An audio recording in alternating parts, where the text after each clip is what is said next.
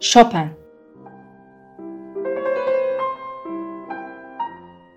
Yazan Yayla Bostaş. Yayla Bostas et yahoo.com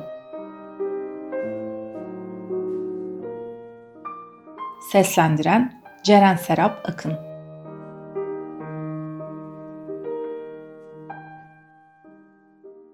Chopin'den bir polonez veya nokturn dinleyip de duyarsız kalabilir misiniz? Chopin ve benzeri bestecilerin bu denli etkileyici yapıtlar verebilmek için taşıdığı duyguları, içsel dürtüleri düşününce ona duyduğum saygı büyüyor, kendimi küçücük, çok sıradan duyumsuyorum. Tek avuntum bu yapıtları beğenip dinlerken bu denli etkilenmiş olmam. O zaman rahatlıyorum. Ya bu müzikleri hiç bilmeyen, zevk almayan biri olsaydım? Bestelerini yaptığı anları canlandırıyorum düşümde.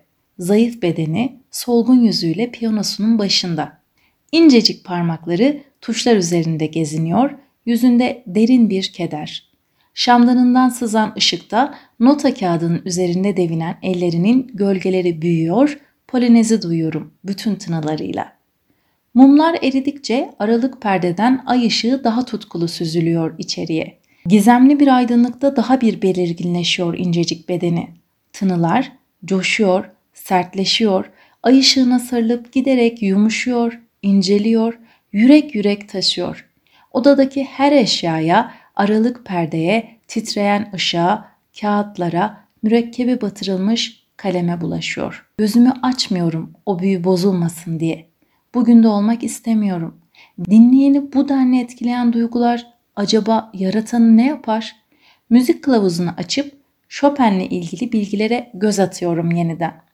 1810-1849 yılları arasında yaşamış. Verimin sonlandırdığı kısacık bir ömür. Böylesine duygu yüklü bir insanın bence yaşamın getirdiklerini taşıyamadığı bir gerçek. Rusya'nın Polonya'yı işgali sırasında arkadaşlarıyla kalıp ülkesini savunamamış. Onların ısrarıyla sağlık sorunları yüzünden Fransa'ya gitmek zorunda bırakılmış. Bu olayın yıkımını, üzüntüsünü ölünceye değin yaşamış. Ayrılırken arkadaşlarının verdiği ülke toprağını ölene dek taşımış. Yakınlarından öldüğünde mezarının üstüne serpilmesini istemiş. Ben bu üzüntüsünün yapıtlarında ince hüzne yapı taşı olduğunu düşünürüm. George Sand'le uzun yıllar süren aşkı da başka bir yıpranma nedeni olmuş Chopin'e. Birlikteyken yürek çırpıntıları, bittiğinde duyduğu kırgınlık ve acı. Giderek bozulan sağlığı ömrünün son günlerinde anlamsız bir yoklukla baş başa kalan büyük bir besteci. Erken bitmesi normal değil mi böyle bir yaşamın?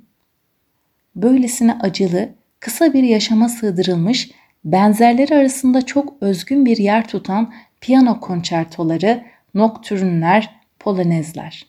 Alabildiğince ince bir hüzün, taşınması güç bir duygu yükü. İşte sıradan bir insancık olan beni baştan çıkaran Chopin.